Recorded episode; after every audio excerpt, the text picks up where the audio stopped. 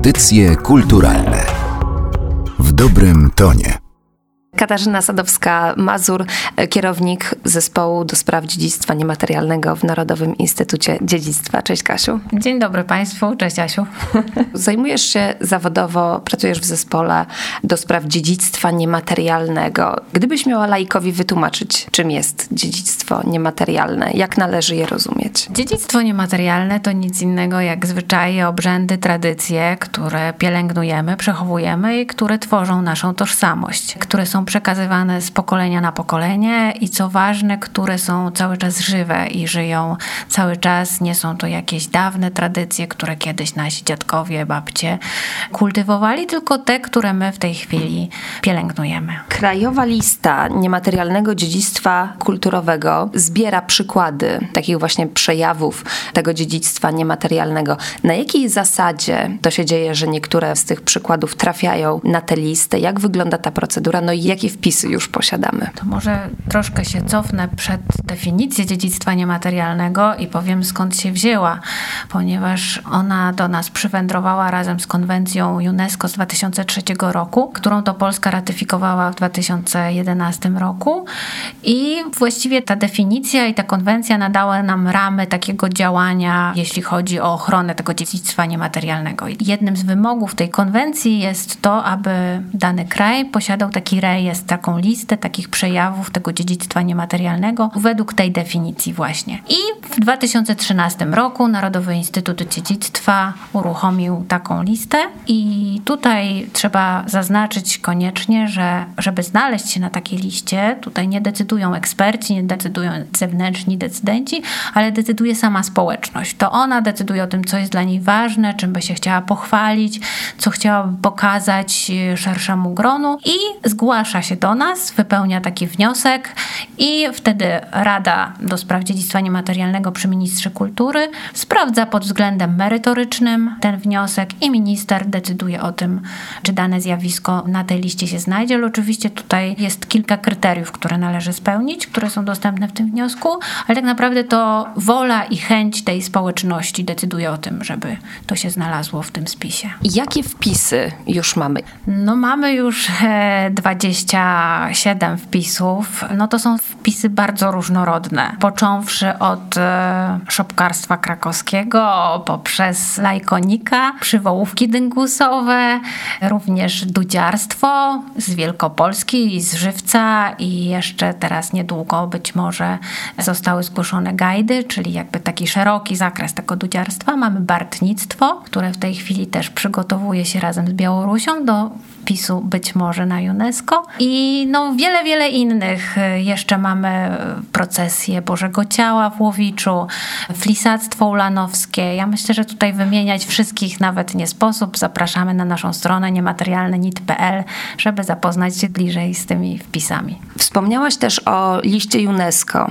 zbierającej te przejawy dziedzictwa niematerialnego. A jak jest z polskim dziedzictwem niematerialnym na liście UNESCO? Żeby znaleźć się na liście UNESCO, musi powstać taki rejestr krajowy, który właśnie u nas nazywa się tą krajową listą i z tej listy, z tego rejestru zjawiska dopiero mogą znaleźć się już na którejś z list, ponieważ tych list UNESCO są trzy. Jest lista reprezentatywna, lista pilnej ochrony oraz taki rejestr dobrych praktyk. I w zeszłym roku Polska złożyła właśnie taki pierwszy wniosek na UNESCO i tym wnioskiem jest właśnie szopkarstwo krakowskie, które mamy nadzieję w 2018 roku na komitecie bodajże listopad, grudzień będzie rozpatrywany i mamy nadzieję, że zostanie rozpatrzony pozytywnie. Fajnie, że wspomniałaś o y, szopkarstwie krakowskim, bo to będzie chyba serce naszej rozmowy, w tym sensie, że jesteśmy przecież w okresie około świątecznym, a to jest tradycja, no chyba jednak ściśle związana właśnie z tym okresem w roku, prawda? Jak najbardziej. Oczywiście szopka zawsze była wpisana w ten okres bożonarodzeniowy. I jeśli chodzi o szopkarstwo krakowskie, ja jeszcze też może wspomnę, zaczęłam mówić, że to są tradycje, ale też trzeba pamiętać, że to są umiejętności. Tutaj właśnie ta umiejętność tworzenia tej szopki została doceniona i została wpisana na krajową listę, a szopka jest jej takim zewnętrznym wyrazem. I szopki krakowskie o tyle są troszkę inne od tych, które możemy spotkać wszędzie, że tam e, głównym motywem jest architektura Krakowa. Oczywiście głównym motywem jest narodzenie Pana Jezusa, ale tłem jest architektura i czasami oczywiście pokazana z dużą wyobraźnią twórców. Ona nie jest stricte dokładnie taka, jak jest, ona jest tylko takim natchnieniem dla szopkarzy i elementy właśnie tych takich najwartościowszych, pięknych zabytków krakowskich możemy w tych szopkach odnaleźć. A co wiemy o początkach tej tradycji? Jak ona się narodziła? Tradycja pochodzi mniej więcej z początków XIX wieku. Tak naprawdę to murarze, cieśle, którzy w tym okresie takim już jesienno-zimowym nie mieli dużo zajęć, zaczęli budować takie właśnie budowle i zaczęli z nimi tak troszeczkę po kolędowemu chodzić po domach, zbierać jakieś datki. I z czasem przerodziło się to nawet w taki zawód szopkarza, ponieważ te szopki cieszyły się ogromnym powodzeniem i tak naprawdę już w połowie XIX wieku, pod koniec, to już można było mówić o takim zawodzie szopkarza. I początkowo to były takie małe szopki stawiane pod choinkę i takie ogromne szopki też, które służyły jako tło dla takich jasełek. I później niestety po I wojnie światowej ta tradycja tego jasełkowania przy tych szopkach zanikła i później niestety ten czas II wojny światowej też troszeczkę nam popsuł jakby tą tradycję, ale tak naprawdę tuż przed II wojną światową, to chyba w 1937 roku, zorganizowano taki pierwszy konkurs szopkarzy.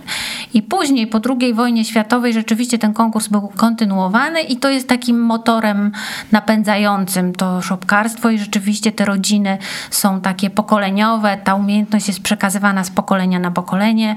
Nawet dzieci, które takie swoje małe szopki tworzą, przepiękne, też biorą udział w tym konkursie, który rzeczywiście jest takim stałym elementem Krakowa. 6 grudnia szopkarze przynoszą swoje szopki pod pomnik Mickiewicza i tam je można podziwiać, oglądać, po czym są przenoszone do Muzeum Miasta Historycznego Krakowa, gdzie odbywa się konkurs. Czyli to jest e, tradycja, która tak za wyjątkiem tej przerwy na II wojnę światową, o której powiedziałaś, właściwie istnieje od XIX wieku nieprzerwanie i wciąż. Tak, dokładnie. Od XIX wieku możemy powiedzieć, że ta tradycja szopkarstwa jest. No przerywano oczywiście, ale to ze względów takich historycznych i istnieje i wpisana jest jakby w historię Krakowa i myślę, że większość osób, które w Krakowie mieszka, utożsamia się właśnie z tą tradycją. A czy wśród osób, y, które tworzą te szopki są artyści, są takie osoby, które się jakoś szczególnie wyróżniają, są jakoś bardziej znane, rozpoznawalne w tym środowisku krakowskim? Nie słyszałam o takich osobach.